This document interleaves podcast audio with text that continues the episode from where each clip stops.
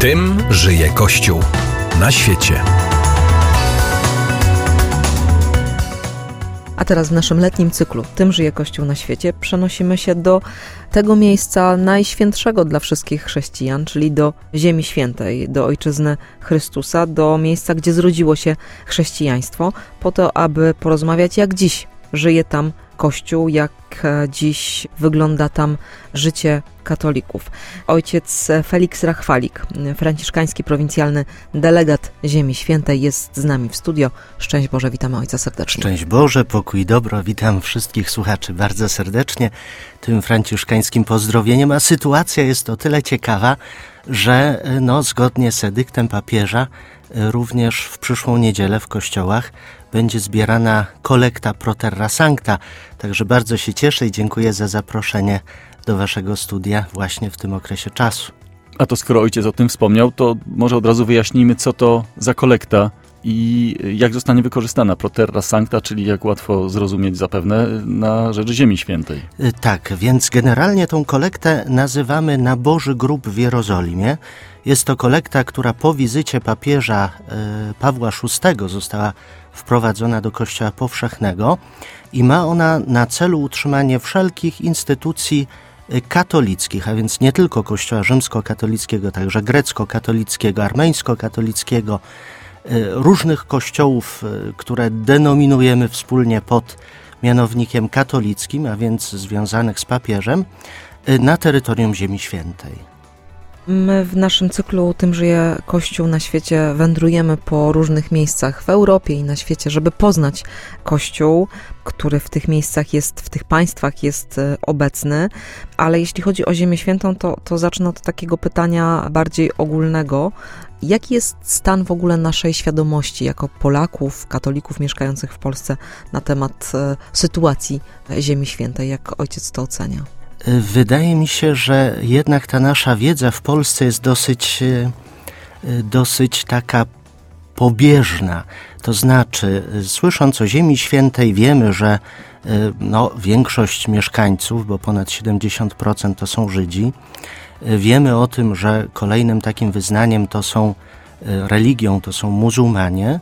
No i w końcu gdzieś tam w naszej świadomości wybrzmiewa, że na terytorium Ziemi Świętej mieszkają również chrześcijanie. Dokładnie jest to 2% całego społeczeństwa, więc około 160 tysięcy w chwili obecnej. I w ramach tych chrześcijan mamy do czynienia z różnymi wyznaniami. Mamy tam do czynienia innymi z Grekami prawosławnymi.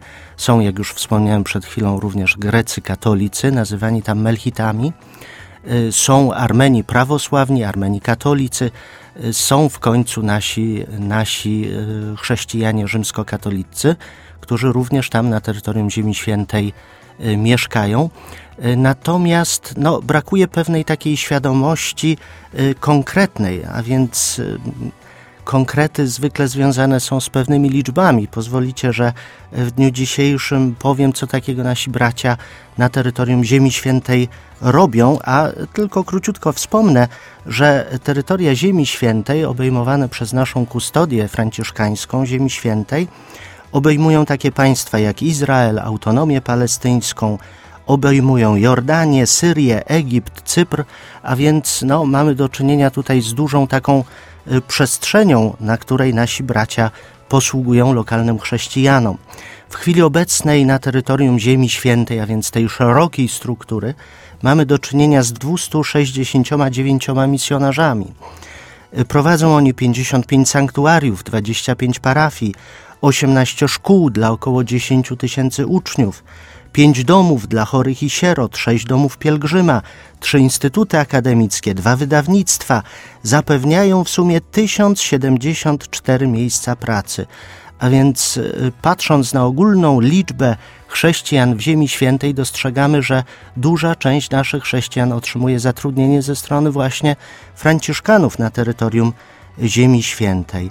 Y, oprócz tego, y, no, nie zdajemy sobie sprawy z tego, że również chrześcijanie z punktu widzenia takiej codziennej egzystencji no nie znajdują często wsparcia u pracodawców, czy to żydowskich, czy muzułmańskich.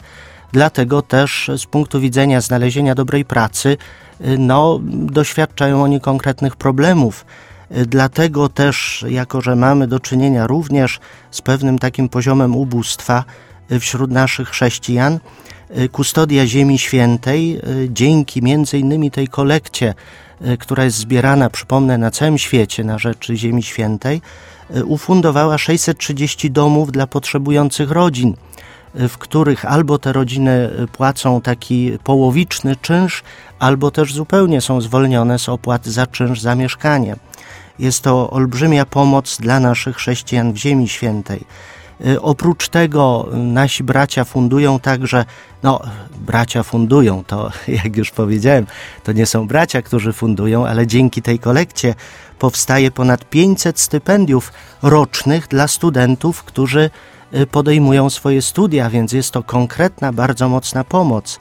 Y, z całą pewnością Państwo doskonale pamiętacie jeszcze sytuację odbudowującej się Syrii, a więc po tych zniszczeniach wojennych 1470 domów, dzięki różnorodnym akcjom, między innymi także akcjom tutaj ze Śląska, y, odbudowano właśnie tyle domów na terytorium Syrii.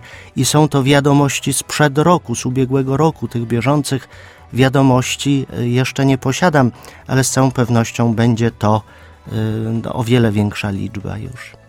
Odwiedzamy dziś Ziemię Świętą, a właściwie nas odwiedza ojciec Felix Rachwalik, y, który jest franciszkaninem, prowincjalnym delegatem Ziemi Świętej, czyli człowiekiem, który doskonale wie, jak żyje Kościół w Ziemi Świętej, a o to dzisiaj pytamy, bo zawędrowaliśmy właśnie tam w naszym cyklu Tym żyje Kościół na świecie. Tym żyje Kościół na świecie.